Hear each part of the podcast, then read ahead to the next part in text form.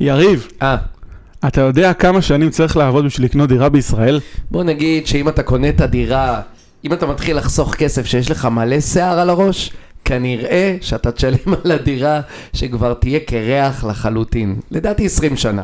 וואי, קלעת בול, קלעת בול.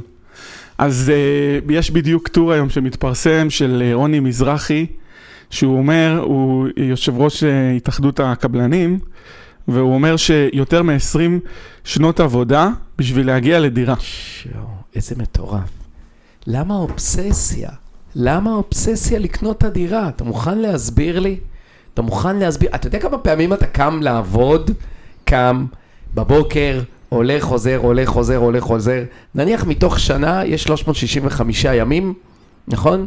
כן. בערך 300 פעם אתה קם והולך לעבודה וחוזר ותקוע בפקקים ורב עם אנשים בעבודה וקידמו אותי ולא קידמו אותי.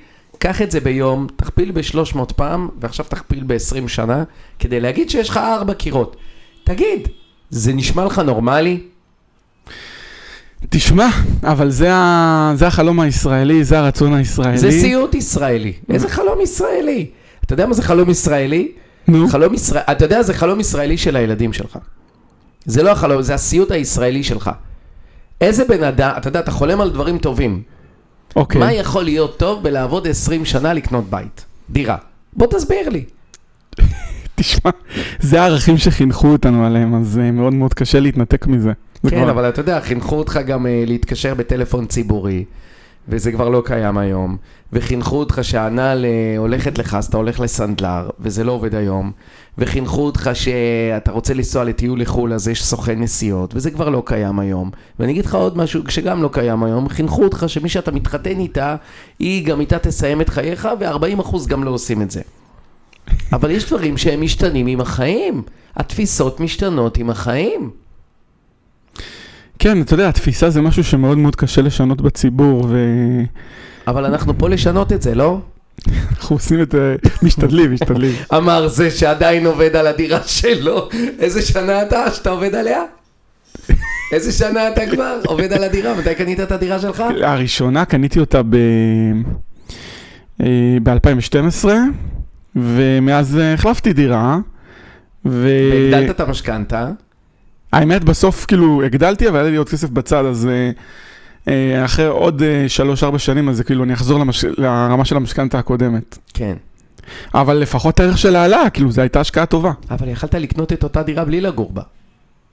דירה שאתה גר בה היא דירה, היא מקום מגורים. נד... דירה שאתה לא גר בה היא נדל"ן, היא עסק כלכלי, יש הבדל.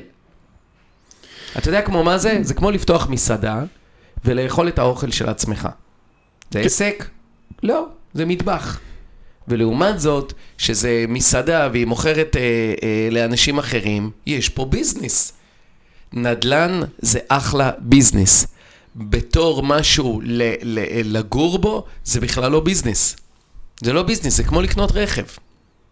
רק הרכב, השווי שלו יורד. נדל"ן, השווי שלו עולה. אבל אתה לעולם לא תהנה מזה. אתה לא תהנה. אני אגיד לך שאתה קנית את הדירה שלך הראשונה, נו. והשווי שלה עלה. נכון, הלכת, סיפרת לחברים שלך, איזה יופי, קניתי ב-700 אלף, איזה כיף, היא שווה מיליון, היא שווה מיליון זה- 200. זה הדיבור- הרגשת גבר, הרגשת שחקן, נכון? זה הדיבור בשכונה תמיד. זה... יופי, אז חכה רגע את השכונה. ואז הדירה עלתה למיליון 200, שמחת, נכון? ואז. מה עשית? ברור, מי לא שמח? כי הוא חושב שזאת השקעה. נכון, אבל זה, ואז מה עשית? לקחת את המיליון 200 לצורך העניין, וקנית דירה יותר יקרה. זאת אומרת, שלקחת את הרווח שעשית מ-700 למיליון 200, נתת את זה למישהו, וקנית דירה במיליון וחצי, סתם אני זורק מספרים. זאת אומרת שנכנסת לחוב נוסף של 300. אוקיי, נכון. בוא תסביר לי איך בדיוק הרווחת פה. כי אתה משלם את השכירות לעצמך בדירה שאתה גר. מה? כי אתה הסוחר של עצמך. אתה ממש לא סוחר של עצמך.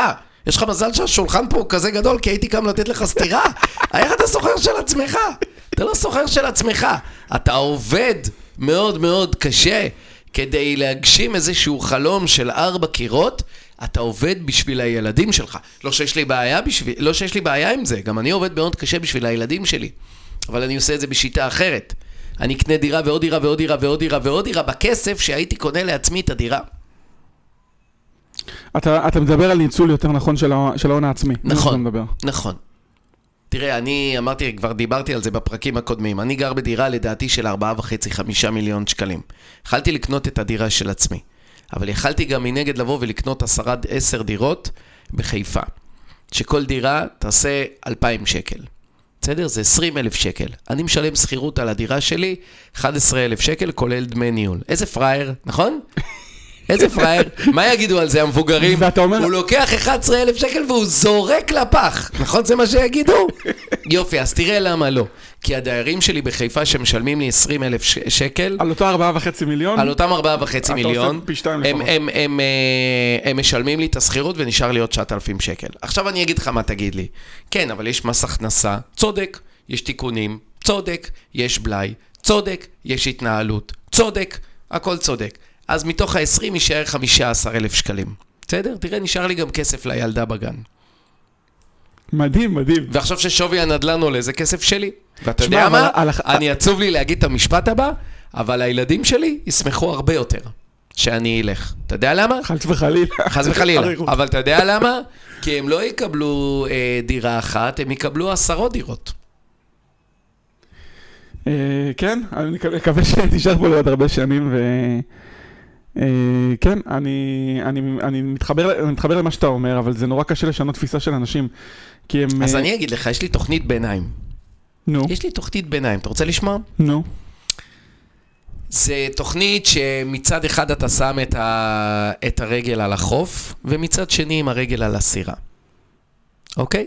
רגל לחוף ורגל לסירה, אוקיי. אתה, אתה לא, אתה לא, אתה לא ב, ב, בים ואתה גם לא ביבשה, אתה באמצע, אתה גם וגם, אוקיי? אז אני אגיד לך מה זה. תישאר הבעלים של הדירה שלך, היא עדיין שלך, אוקיי. ותעשה ריפייננס. אתה יכול היום לעשות 70% מימון, ולקחת את הכסף ולהשקיע. ולהשקיע אותו בדירה אחרת כהון בדיוק. עצמי. כן, בהשקעה אחרת. לדוגמה, יש לך דירה אבל אתה ששווה... יודע, זה נורא מפחיד מבחינת אנשים לעשות צעד כזה. עזוב אותי רגע. אתה תגיד את זה לבן אדם, הוא ישר יגיד כאילו... אתה יודע שזה נורא מה? מפחיד לטוס זה- במטוס? ואתה יודע שזה גם נורא מפחיד לנסוע באוטו? ואתה יודע שזה אתה לא נורא יכול- אתה לא מפחיד, יכול להשוות את זה. במיוחד בתקופה של היום, ללחוץ על כפתורים של מה- מעליות, מה- כי אתה שנייה. יכול לקבל קורונה. אתה יודע רגע, כמה דברים מפחידים שנייה, יש? אפילו, הנה, אני, אני אתייחס טענה טענה. דיברת על טיסות. מה האחוז, לא עלינו, על המטוסים שמתרסקים? אני לא זוכר מתי התרסק מטוס של חברה ישראלית, אולי לפני 30-40 שנה. אוקיי, וממה אתה בבקשה, מפחד זה בלקנות? כמעט לא קורה. אוקיי, וממה אתה מפחד בלקנות נדל"ן? מה יקרה? אולי, שאתה, כשאתה בא לבן אדם, אז הוא כן. יגיד לך, תקשיב, אולי בדיוק המחירים ירדו, ואז נו, אני... ואז- אני גם, ואז- ואז גם ואז- ערך הבית ירד, ערך ההלוואה נשאר אותו דבר. אוקיי. ואז הבן אדם, אה, ת- ת- אז תשמע, אתה יכול להפסיד 100, 200, 300, 400 אלף שקל בתוך כמה שנים. שוהם, יש לי שאלה לשאול אותך. נו. אתה בן אדם אה, חכם, נכון? מתיימר להיות. כן. יופי, אוקיי. תגיד, בת כמה המדינה? 70 ו... לא זוכר בדיוק. אוי אוי אוי. המדינה בת 72, נכון? כן. ה- ה- המדינה נוסדה בשנת 48, בסדר? אוקיי. יופי. אני אומר לך שבכל יום ובכל שעה, ב-72 שעות האחרונות, איפה שהיית קונה בסקאלה הזאת דירה, היום היא הייתה שווה בין פי עשרות אחוזים יותר לבין מאות אחוזים יותר, תלוי מתי קנית. אם קנית לפני שנה, כנראה אחוז נמוך יותר. אם קנית לפני שנתיים, כנראה באחוז גבוה יותר. גם אם קנית דירה בשנות ה-90, תקשיב טוב, בשנות ה-90 מחירי הנדל"ן ירדו. הייתי אומר לך, תקשיב, בשנות ה-90 מחירי הנדל"ן ירדו, היית מוכן לקנות דירה? היית אומר לי, לא, המחירים ירדו. ואני אומר לך שהדירה הזאת ששווה היום 4 מיליון שקלים, כנראה בשנות ה-90 הייתה שווה פחות ממיליון. היית קונה אותה? כן? יופי. אז אם 72 שנה זה מה שקרה, מה יקרה שונה ב-72 שנים הבאות? למה המחירים ירדו? וגם אם הם ירדו, הם ירדו, ירדו רגעית נקודתית. תשמע, זה בגלל המאפיינים המאוד ספציפיים של מדינת ישראל, שאין פה קרקעות. כל הזמן רוצים לעכב אה, את התשתיות, ויותר מזה, יש לך גם את הרכבת הקלה וגם את המטרו עכשיו, שזה תוכניות שמאוד יפגעו בכל ההתחדשות העירונית. הן מאוד אה, יגבירו, מגבילות את התשתיות. אין לך פה קרקעות ויש לך כל מיני אינטרסנטים. אתה יודע, נגיד, מה, מה שמעתי? רוצים לבנות 3,000 יחידות דיור בחדרה, ואנשים אה, אה, אה, מהארגונים הירוקים וכל, ה, ו, ו, וכל העמותות האלה, הם אמרו, אם חלילה יבנו את השכונה, אז זה, יוביל להכחדה של פרפרים. פרפרים מזן מאוד מאוד מיוחד. אז הנה, למשל, יש לך כל הזמן התנגדויות, כל הזמן הגבלות פה וכל הזמן מגבלות, ובאמת כאילו, אני די מתחבר uh, למה שאתה אומר, שמחירי הסיטואציה והאקו סיסטם שיש פה לא מאפשר למחירים לרדת, וכל מי שנלחם בזה, והרי מה הפתרונות תמיד של הממשלה בזה? בוא ניתן סבסוד, בוא, בוא נוציא כסף ממשלתי כדי שיהיה לזוגות כסף. אין להם באמת פתרון. Uh, אולי, אולי הפתרון הוא לקחת את כל, לפ... סליחה שאני אומר את זה ככה, את כל הגופים עכשיו שמטפלים בדיור, להגיד לכולם, תקשיבו, לכו כולכם הביתה, אני בונה את הכל מחדש, ולייצר פה מערכת הייטק שהכל מריצה ומטיסה. זה הדרך, וזה לא יקרה בחיים. תראה, אנחנו לא, התפקיד שלנו פה זה לא לבנות את המדינה, התפקיד שלנו פה זה לראות איך אנחנו עושים כסף ואיך המאזינים שלנו עושים כסף מהמצב הקיים. אין ספק שיש פה הרבה חסמים, אין ספק שלבנות פה דירה בניגוד לארצות הברית, אתה, יש לך אישורים והדירה כבר עומדת במקום תוך פחות משנה. אין ספק, אנחנו לא שם. אתה יודע מה? גם כנראה לא נהיה ב-20 שנה הקרובות במקום הזה. מה שכן אנחנו יכולים לשנות זה את עצמנו. את עצמנו. אנחנו יכולים לשנות את עצמנו. הנדל"ן זה הדבר הכי בטוח שיש. הוא יותר בטוח הנדל... משוק ההון, הנדל"ן למגורים, הוא יותר בטוח, למגורים. הנדל"ן הוא יותר גרוע, הוא יותר, אה, הוא יותר בטוח משוק ההון, הוא יותר בטוח מכל עסק כלכלי, הוא יותר, תראה אפילו חברת טבע, הייתה מניה של המדינה. מניה של המדינה במשך עשרות שנים, ותראה איפה היום נמצאת המניה של טבע. בנדל"ן זה לא יכול להיות בחיים. למה? כי נדל"ן הוא צורך בסיסי של אנשים. אתה חייב קורת גג. מאיפה באת? מהבית. אחרי הפודקאסט, לאן תלך? לבית. לא יהיה מצב בחיים שאתה לא תלך לגור איפשהו, בין אם בשכירות לבין אם לגור. ומכיוון שכך, גם הבנק יודע את זה, והוא נותן לך 70% מימון. זה הביטחון הכי טוב שלו. בשביל זה גם הריבית... אם אתה תבוא לבנק, תגיד להם, אני רוצה 100 אלף שקל לפתוח סניף של ארומה. ארומה, רשת מצליחה. יגידו לך, יאללה, יאללה, סע, הנה, הנה, הנה הדלת, לך אליה. ברור, כי הוא לא בטוח שתמיד יקנו ממך והבית קפה יהיה מלא, הוא לא בטוח. יופי, לעומת זאת, תגיד להם, בואו, יש לי דירה בחדרה, במיליון וחצי. תנו לי מיליון, יגידו לך, בוא תיכנס, תשתה גם קפה. למה? כי יש להם בטוחה מאוד מאוד טובה. אז אני אגיד לך עכשיו יותר מזה, יש עכשיו עוד הזדמנות, כי בנק ישראל הולך לאפשר משכנתאות של שני שליש פריים. יופי. הולך לאפשר לאנשים זאת אומרת, רגע, נסביר לאנשים מה המשמעות. אני יכול לספר את ההיסטוריה ואז אתה תפרשן? יאללה, אוקיי. אז מתישהו בשנת 2010-2011, טה נה נה נה נה נה בוא נעשה כמו עמוד האש. רגע, שנייה, שנייה. זה היה, במדויק, אני בטוח שזה היה ב-2010, שסטנלי פישר פחד שהריבית תעלה. דבר. מרגיז! זהו, סטנלי פישר פחד שהריבית תעלה. סטנלי פישר. הם, אה, אתה זוכר אז את הפטיש, 5 קילו, 2 קילו, 3, 4, 5 קילו? אז היה במסגרת כל הדבר הזה. שיובל שטייניץ היה שר האוצר, והוא היה נגיד אה, בנק אה, ישראל, סטנלי פישר, והוא בא ואמר, אני רוצה לרסן את מחירי הדיור. איך אני ארסן את מחירי הדיור? הוא פחד שאנשים, אז בזמנו, יכלת לקחת הלוואה שלמה לפי ריבית הפריים. הלוואה שלמה של ריבית הפריים היא בעצם הלוואה שהיא מושפעת מריבית בנק ישראל. ואז מה הוא חשש? שאם הוא יעלה את ריבית בנק ישראל, זה יעלה את המשכנתאות, וזה בעצם יכניס את כל נוטלי המשכנתאות אה, לסיכון. ולכן הוא אמר, אני רוצה לצמצם את הסיכון הזה, ואם אנשים רוצים לקחת משכנתה, הם יכולים לקחת רק שליש מריבית הפריים. ריבית הפריים, אגב, מאופיינת בזה שבכל רגע נתון המשכנתה הולכת וקטנה, ולכן היא הייתה משכנתה מאוד מאוד אהובה. היא מפרקת את ה... היחס בין, בואו נסביר עוד משהו, בכל תשלום קרן שתק... הריבית. כן, בכל תשלום שתיקחו, בדיוק. תשוו את הפריים לכל מסלול אחר. החלק של הקרן במסלול פריים, שאתה פודה בכל תשלום, הוא תמיד יותר גדול מחלק הריבית.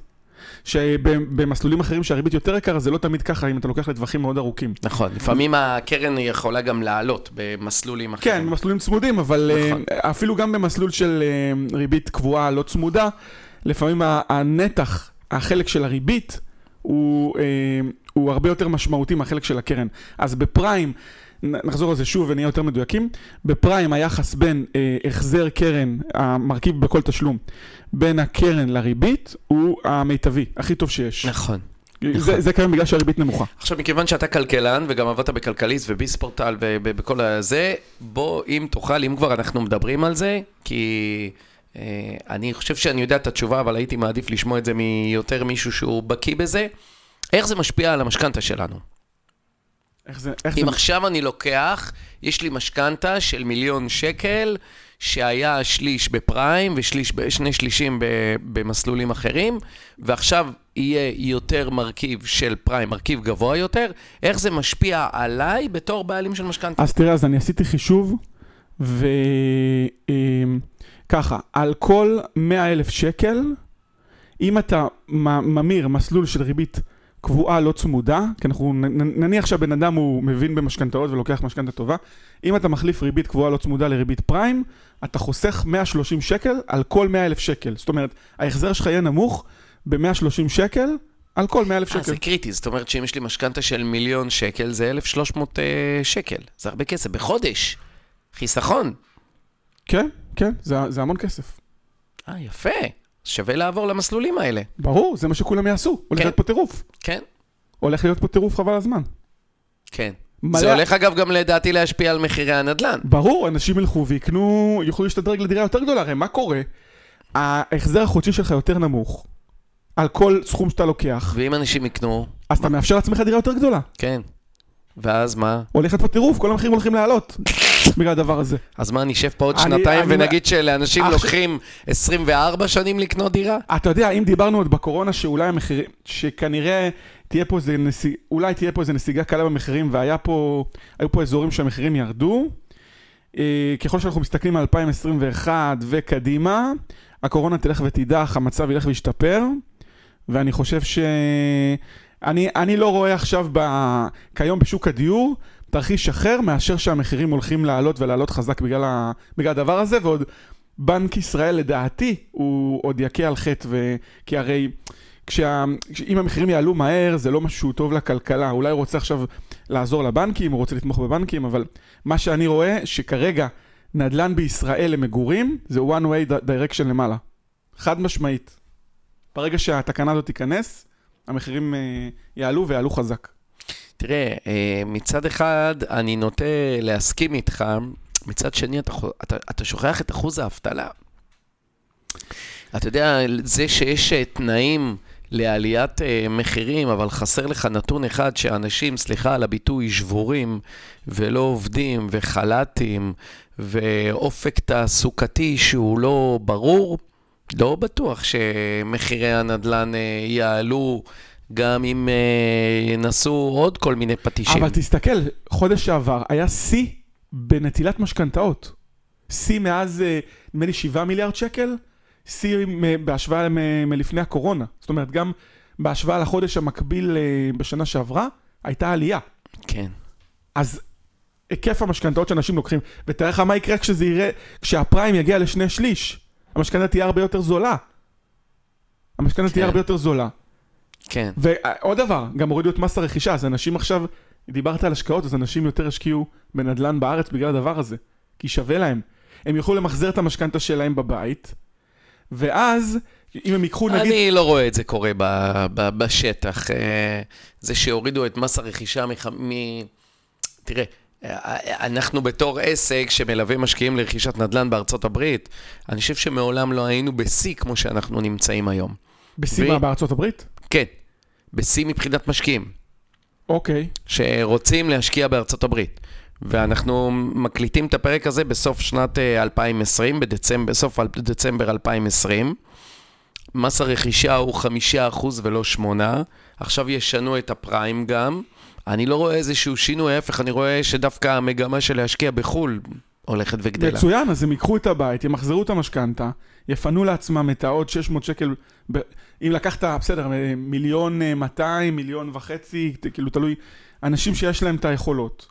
הם אה, ימחזרו את הפריים, יחסכו את הכסף, ויקנו בארצות הברית, או שיקנו בעוד דירה להשקעה בישראל. זה מה כן. שהולך לקרות. כן.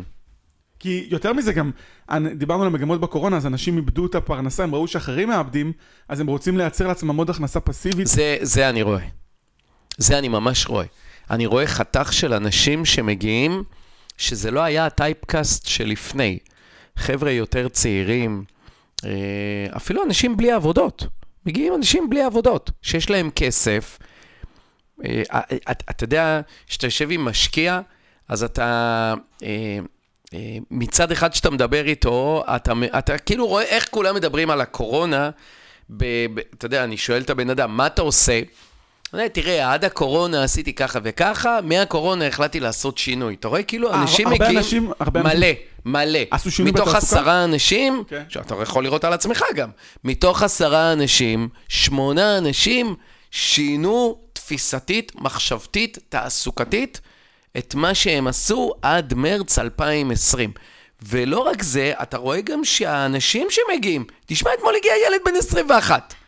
ילד בן 21 ש, ש, שרוצה לקנות נכס בישראל ללא הון עצמי, יש לנו את השירות הזה, וגם שאפשר. לקנות ל, ללא הון עצמי. ואמרתי לעצמי, אני בגיל 21, היית שואל אותי, מה זה נדל"ן? מה זה הראשי תיבות? נדל"ן, נדל"ן, מה הראשי תיבות? הייתי אומר לך, אין לי מושג מה זה. הלכת לפאבים מה זה, בננות, אה, דרדלי, לא יודע מה זה נדל"ן בכלל. הלכת לשתות בירה בפאבים. כן, ופתאום מגיעים אליך אנשים שהם אומרים, אני רוצה לא לבנות על העבודה שלי, אני רוצה הכנסה פסיבית. והם מבינים שלא שווה לעבוד כנראה 20 שנה כדי לקנות בית. ואתה יודע, אני אגיד לך גם עוד דבר. גם אלה שיש להם דירות, הם באים אלינו, איך אפשר לעשות 70% מימון, שזה משהו שאנחנו מדברים עליו פה. וזה משהו שהוא לא היה בשנים רגע, זה האחרונות. הולך עוד עוד מעט להיגמר, גם צריך להגיד את זה לאנשים נדמה לי. כן, כן. זה לפי הולך- דעתי יעריכו את זה, אבל. כן, אז כדאי לאנשים לנצל את... מי כן. שבאמת רוצה לעשות, אז הוא תמיד שואל מתי ומה. אז הנה, יש עכשיו גם את השני שליש פריים במשכנתה, ויש גם אחרי זה 70 אחוז. 70 אחוז מימון. אין זמן יותר טוב אה, מ- אז זה מעכשיו. קרקע פורייה עכשיו להשקעות נדל"ן בארצות הברית, ולא רק בארצות הברית בכלל, אבל אני יכול להגיד לך גם למה בארצות הברית? כן, תגיד. דולר. דולר. אני לא יודע אם אתה יודע, אבל הדולר נמצא בשפל חסר תקדים. הדולר היום עומד 3.22. על 3.22. פעם קודמת שזה היה, זה היה בסוף שנות ה-90 של המאה הקודמת. ואם הוא ימשיך לרדת? אז זה מצוין, זה עוד יותר טוב. כי הדירות, הבתים יעלו יותר בזול. ההפך, שווה לקנות יותר. תראה, יש פה שתי אופציות. אופציה ראשונה, למי שקנה ששער הדולר היה 3.8. הוא נמצא בבעיה, נכון? הוא, כן, ההכנסה ההכנסה שלו משכירות ירדה. הכנסה. הוא לא- הוא, כן. הוא לא מממש אבל. הוא לא, הוא לא חייב לממש את הבית, נכון, הוא יכול הוא- להישאר איתו עוד כמה שנים. יפה. רק מה, ההכנסה שלו מהבית ירדה, אבל הוא לא מפסיד כסף. כן, כי רוב האח... אתה... יש לך את אגב, ההכנסה- אגב, אגב, אגב, אם הוא משאיר את הכסף בדולרים, התשואה שלו נשארת בדיוק אותו דבר. הוא יוכל בעתיד לממן עם זה קניות ב- בארצות הברית, ו... ואז נכון, הוא לא כביכול מממש. לא, לא הפסיד. נכון, במרכאות. נכון, אבל הוא גם לא הפסיד ברכישה. למה? כי הוא יחכה ששער הדולר יעלה, אתה יודע, דיברנו על זה בפרקים הקודמים, שאתה משקיע בארצות הברית, אתה לא רק משקיע בבית, אתה משקיע גם בשער המטבע. אז נניח עכשיו, זו התקופה הטובה ביותר לקנות. למה? כי אם אתה רוצה לקנות בית ב-100 אלף דולר, 100 אלף דולר. פעם 100 אלף דולר היה 400 אלף שקל. אני זוכר לפני 5-6 שנים, ששער הדולר היה 4.1. אז תחשוב, היית אמור להביא 410 אלף שקלים. אני אתן לך עוד רעיון. רגע, נו. היום שער הדולר 3.22, זה אומר שאת אותו בית בדיוק אתה קונה ב-100 אלף שקל פחות כמעט. היום הנ- אה, זה הנכס שהיה עולה פעם 410 אלף שקלים, יעלה היום 325 אלף שקלים, 322 אלף. 100 אלף שקל פחות. פצצה, אז במונחי מטבע ישראלי, הנכס הוזל, למרות שיכול להיות שהמחיר שלו בדולרים עלה. כן. כן, המחיר שלו בדולרים עלה. אז מה, אבל אל תממש. אני אגיד לך יותר מזה או, גם. או, או, רגע, סליחה, משפט אחרון, תממש ותשאיר בדולרים. אני אגיד לך יותר מזה גם, דיברנו בזמנו בפרק על הלוואות לכל מטרה. אתה יכול גם לגדר את עצמך, אתה יכול לקחת הלוואה לכל מטרה בדולר, אני מאמין שהבנקים מאפשרים את זה. ואז אתה קונה, לוקח הלוואה בדולר, קונה בית בדולר, ואז אתה נכון, מגודר, הערך ההלוואה מקסימום ירד. במ- נכון, בדיוק. כן. מעול- מעולה. אני חושב שעכשיו זה זמן מאוד מאוד טוב אה, לקנות. עכשיו תראה, אנחנו לא יודעים, אמרנו אבל נעשה על זה פרק, מה יהיה אה, הנדל"ן בארצות הברית בשנה הבאה, מה, תהיה, מה יהיו מחירי הנדל"ן בישראל. אה, אי אפשר לדעת מה יהיה, זה נורא תלוי בקורונה, זה תלוי בחיסונים, זה תלוי כמה אנשים יחזרו למקום העבודה. אתה יודע, זה כמו מלחמה שפתאום כולם יוצאים מההריסות ורואים עד כמה הנזק היה גדול. יכול להיות שאנשים יצאו ויראו עד כמה הנזק היה גדול, ולך תדע מה יהיה עם הכלכלה. תשמע, ככל שאני מסתכל, ובאמת ליבי עם האנשים שנפגעו, כי גם בתחילת המשבר אני אישית נפגעתי, אני רוצה להגיד לך ש... אה, אלה שנפגעו, הם גם קודם היו במצב לא טוב, והאנשים המוכשרים והטובים בשוק העבודה, הם אנשים שהסתדרו, בין אם הם מצאו עבודה אחרת, פתחו עסק או, או כל דבר שאתה רוצה. כן. זה, זה מהתפיסה שלי, שמי שמשכן, שמסכן נשאר מסכן. אז הטיפ היחיד שיש לי, זה שאנשים צריכים להשקיע בעצמם, הם צריכים להתפתח. וואי. נכון. הם חייבים להתפתח, בין אם להשקיע בעצמם זה לקנות נכס להשקעה, שיהיה להם, אם אתה עכשיו בן אדם שהעבודה שלו מאוימת, אז תקנה לך ותדאג שתהיה לך הכנסה פסיבית, או שתדאג לכישורים שהם רלוונטיים לשוק העבודה, או כישורים שהם רלוונטיים לזה שאתה עצמאי, לזה שתוכל להיות עצמאי, תוכל למכור את השירותים שלך, תחומים שאין בהם תחרות.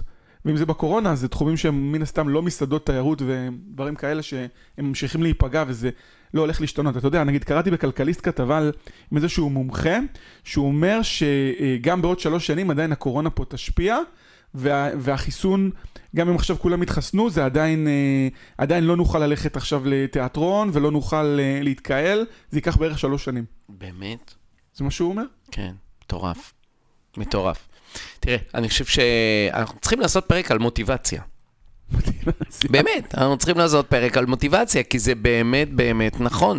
אתה יודע, הקורונה, אני חושב, היא נתנה לאנשים מכה מאוד מאוד uh, קשה, שחלקם uh, נפלו, ואתה יודע שאתה נופל, אתה יכול להמשיך לבכות ולצפות שמישהו יעזור לך, או שזה גורם לך להיות יותר חזק ולהמציא את עצמך בחז... מחדש. עיין ערך, שוהם לוי.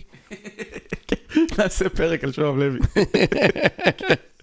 בכל מקרה, אם נחזור רגע לנדל"ן, אני חושב שזה אה, זמן מאוד מאוד טוב אה, אה, לעשות 70 אחוז מימון. באמת, כבר קנית בית. קנית בית, עשית את הטעות הזאת. תראה, אני לא רואה איך בן אדם מוכר את הבית ועובר לגור בשכירות. זה צעד הרבה יותר קיצוני. זה ממש ולוקח, שינוי של ה mindset מקצה כן, לקצה. כן, זה שינוי מטורף. וספק אם האישה תסכים, אם הגבר יסכים, אם שניהם יסכימו ביחד. אתה יודע, אה, זה דבר שנקרא endowment effect, שזה כאילו אפקט הבעלות באנגלית. שאתה לא יכול להיפרד ממשהו שהוא, שלך, כן, זה פסיכולוגיה. כן, אבל אתה לא באמת נפרד, אתה נפרד מהקירות, אבל הכסף נשאר אצלך. אבל נניח את זה כבר אי אפשר לעשות. וואי, האלה של האקסטרים יעשו את זה. יש אצלנו כמה כאלה שהם כבר רוצים למכור את הדירה, אבל יש אופציית ביניים. זה מה שאמרנו, יד, יד אה, אה, רגל על החוף, רגל על המים, 70 אחוז מימון, אפשר לקחת 70 אחוז. תחשוב שקנית דירה פעם, לפני כל אלה ששומעים אותנו, שקנו דירה נניח לפני 10 שנים, במיליון שקל, ולקחו הלוואה של 700 אלף, חלפו 10 שנים, יש לכם כסף בקירות. הדירה הזאתי של המיליון, אתה יודע כמה היא שווה היום? 2 מיליון. המשכנתה של ה-700, אם הם נלקחה ל-20 שנה ועברו 10 שנים, אתה יודע כמה היא המשכנתה היום? 300-400 אלף. עכשיו תחשוב, המדינה באה ואומרת לך, תיקח 70 אחוז מימון. 70 אחוז מימון מ-2 אה, מיליון שקל זה מיליון 400. מיליון 400, הייתי שם? כל הזמן. יופי. יש הלוואה של, אמרנו, 300-400. זאת אומרת שיש לך בקירות מיליון שקל. נו. מיליון שקל. קח את המיליון שקל, לך לבנק, לך תעשה שמאות, תבקש מהבנק מיליון שקל הלוואות, יש לך מיליון שקל על השולחן, נשארת עם הדירה שלך, צא, תעשה השקעה. שופינג. שופינג. שופינג טוב, דיברנו הלוואות טובות, הלוואות לא, לא טובות, לא, אל תשדרג את האוטו. אבא עשיר עבדי. בדיוק, אל תשדרג את האוטו, אל תעשה טיול עכשיו מסביב לעולם. אבל זה מה שאנשים היום עושים. לא, בסדר, אז בגלל זה הם יהיו כל הזמן בחובות. אבל זה מה ש... בוא נגיד, לא כולם כאלה מסכנים במצב כזה גרוע. לא, כי... אני לא אומר שכולם מסכנים. כי מי ש... אבל מי יש שקונה... לך מיליון שקל, אתה יודע כמה המיליון שקל האלה יכולים לעשות לך? המיליון שקל האלה... נו כמה, תגיד לי, אני אגיד לך, את הפרק, תגיד לי כמה. אם אתה יודע לעשות משהו טוב, אתה יכול לעשות סדר גודל שבו אני אהיה סולידי 8%. במיליון שקל אתה יכול לעשות 7,000 בוא נהיה שקל גם ריאליים, נוספים. 8% שנשקלל את כל הסיכונים וכל שבעה, התקלות. 7% נטו. יאללה, 7% ממיליון שקל זה 70 אלף שקל בשנה. זה 6,000 שקל כמעט מדי חודש. 6,000 שקל מדי אבל, חודש. רגע, אבל תוריד מזה את ההלוואות שאתה צריך לשלם. יופי, אותם מיליון שקל, תפרוס אותם ל-30 שנה, בוא נעשה חישוב. מיל... אה, אני אעשה חישוב רגע קר של הריבית, כי אני... מיליון שקל אין לי- לחלק אין לי מחשבון ל-30 שנה. פיננסי לא כרגע. צריך, אני אגיד לך. מיליון שקל. לחלק ל-30 שנה, זה יוצא 33 אלף 30 שקלים, לחלק ל-12 נגיד. לחלק ל-12.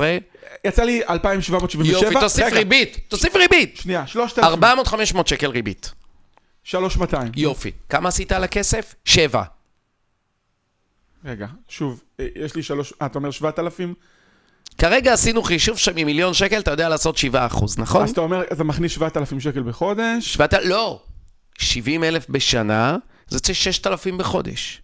בערך, 5,800. 6,000 שקל בחודש, בסדר. זה פודקאסט שצריך לבוא עם מחשבון, אתה יודע? זה לא רק מיקרופונים. נקרא לזה מחשבון, ואולי עם אספיס וגורן שישבו פה בצדדים, אתה יודע. אתה מאתגר אותי כל פעם, אני שולף את המחשבון, וה- אני מנסה רגע לחשוב ואני נזהר לא לטעות, אני מקווה ש... אני חושב לא, שבפרק לא, לא טעיתי. טעינו, לא טעינו. 6,000 פחות 3,200 זה 2,800. בבקשה. רגע, וזה זה עוד. שנייה, וזה עוד לפני ההוזלה של הריבית פריים, אל תשכח. אה. שלקחנו. אז יש לך פה עוד איזה 200 שקל. כן, ואתה יודע, גם לא דיברנו שבהשקעה של המיליון שקל, אם תעשה השקעה שהיא טובה, גם שווי הנכס יעלה. עכשיו, תראה מה יקרה במהלך השנים. סבבה, אבל שעה. אנחנו לוקחים את זה, אנחנו לוקחים את המיני, את הביטחון של הביטחון. נכון, אבל, אבל כדאי לדבר על כי זה. אולי יהיו תק- תקלות בדרך. נכון, אה, אבל בוא, אבל בוא נדבר זה, רק נשים על השולחן, לא נכניס את זה לחישוב, טוב? אוקיי. אבל במהלך השנים, המיליון שקל יגדלו, עשית השקעה טובה, שווי הנכס עלה, כן, אבל בקטנה. גם הדולר יכול לרדת. מה זה? גם הדולר יכול לרדת. אבל עכשיו הוא 3.20, לאן הוא יגיע? לשקל? תקשיב, יש לי חבר טוב, שהוא גם לקוח, הוא אומר שהדולר יהיה 2.8. הוא יהיה- הוא- אולי יום אחד נביא אותו לאחד הפרקים. בסדר. אז הוא יהיה 2.8, אז אל תמכור. אז אל תמכור. מה שבטוח זה שבמהלך השנים, המיליון 400 הלוואה שיש לך, היא הולכת וקטנה. ומי משלם את זה? הדייר. למה אנשים כל כך מתנדבים לשלם לעצמם את המשכנתה? אתה רוצה שמישהו אחר ישלם לך. כן, בדיוק זה. אני אקח משכנתה של מיליון שקל, והדייר שלי ששמו שוהם לוי, הוא ישלם את זה. למה אנשים נהנים לקנות את הדירה של עצמם, להיות דיירים של עצמם, ולשלם את המשכנתה של עצמם? תגיד לי, בוא אספר לך משהו, אני הלכתי לחפש דירה להשקעה בנתיבות, ואז חשבתי על זה, אפילו שהבניין חדש, ואני רוצה דירה חדשה כדי שלא לא יהיו לה תקלות, אפילו כשאני אלך לקנות שמה, אז אני אצטרך להתעסק בכל כך הרבה דברים של האכלוס, אצטרך לבחור ריצוף, אצטרך להתעסק, אני הולך לעבוד בזה גם. זה גם מבאס את האנשים, מה יש לך להגיד על זה? אני צריך לאסוף ממנו צ'קים? תשמע, ההתעסקות בנדל"ן היא התעסקות שהיא הכנסה פסיבית. לא סתם היא נקראת הכנסה פסיבית. הכנסה פסיבית זה אומר שאתה פסיבי יחסית, ואתה כמעט ולא נדרש לכלום. אחד הסיבות שאנשים נמנעים מלהיכנס לתחום הזה, זה להעלות כל מיני תירוצים, שסליחה שאני אומר, קצת טיפשיים, כדי, כדי להימנע מזה. כדי להימנע. בבית של עצמך בחרת עריכים, בחרת דוש, בחרת צבעת, ולא רק זה, אתה ממשיך לעשות את זה באופן קבוע. אתה הולך עם אשתך ובוחרים עציצים לבית, אתה מתחזק את הבית שלך כמעט מדי שבוע. מה זה בשבילך? בוא, הנה, אתן לך פתרון. אני אגיד לך, נכון אירחנו פה את לימור? אתה זוכר? באחד כן, הפרקים? לימור אורן, מעצבת פנים. יופי. תביא אחת כמו לימור, תן לה אה, כמה שהיא תיקח לך, תגיד לה בואי, תסדרי לי את כל הבית, קח מתווך, תגיד לו תזכיר לי את כל הבית, שתי שיחות טלפון, שני העברות בכרטיסי אשראי, נגמר לך הסיפור. מה תגיד? שכל דבר אתה יכול להפוך לפסיבי, זה מה שאתה אומר, אתה יכול ברור. ברור, תהפוך את זה לפסיבי. תגיד, יש לי שאלה, לי בבית, הנה, היה לי השבוע אה, בעיה בדירה של עצמי, אני גר בשכירות, בעיה באינסטלציה. הנה, התקשרת לבעל הדירה. ברור, התקשרתי לבעל הדירה. אתה יודע מה הוא עשה? אתה תצחק. הוא בא עם פומפה. הוא בא. הוא בא, שלח מישהו עם פומפה, אינסטלטור. שלח, אוקיי. כן, הבעלים של הבית שלי זה בית כנסת. אז וואלה. כן, כן, כן. מה אתה רוצה שישלחו את הגבאי? כן. לא, האמת שהסיפור של הבית שלי זה סיפור. בית כנסת? כן, וואי, בוא נעשה. כן.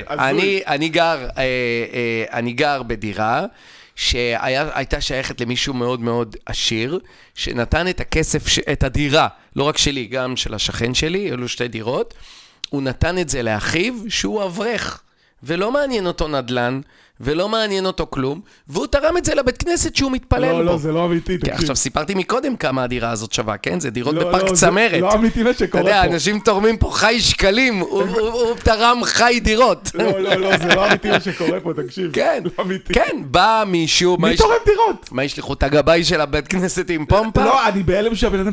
אין בעיה, תקשיב, אולי תתרום חלק מהשכירות שאתה מאמין. לא, לא, לא, תתרום לא, את הדין. לא, אני כותב צ'ק לפקודת בית כנסת. לא, לא, אני זה לא רוצה להגיד את השם אה, לא, לא, אל אבל... תגיד. כן, אבל אה, זה משהו של אה, מוסדות כזה, לא בן אדם פרטי ולא כלום. טוב, בכל מקרה... אתה גם תורם ל... בכל מקרה, יכולתי לבוא עם הפומפה ולסדר את זה בעצמי, אבל אני לא אסדר את זה. זה לא תפקידי בחיים. תפקידי בחיים למצוא השקעות ולהשקיע את הכסף ואת הזמן או שאומר בדברים לך, תביא אחרים. לי מישהו מאיזה מדרג או משהו, וכמה שעלה עלה, כן. תוריד מהשכירות. אגב, זה מה שאני עושה.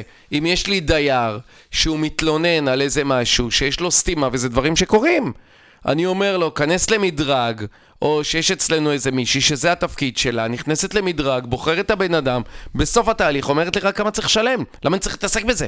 מה, אני צריך לנסוע עכשיו לחיפה, לבאר שבע, לפתח תקווה, לירושלים, לבני ברק, כדי לסדר את התקלות האלה? לא. צריך לראות איך אתה בונה את המפעל הנדל"ני שלך, ולא מתעסק בג'ורה.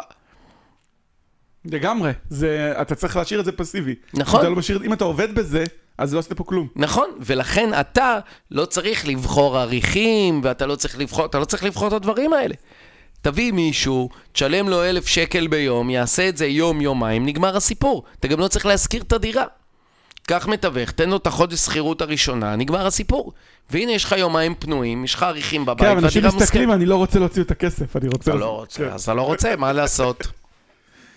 טוב, טוב, אז אני רוצה פה כן, זה לסכם. כמו לבוא ולהגיד, בוא, אני רוצה לעבוד, אבל אני לא רוצה לנסוע לעבודה, נו מה, אין... אה, אין פה... הכסף לא ינחת מהשמיים. אז התחלנו בכלל מזה שצריך 20 שנה 20 לעבוד שנה.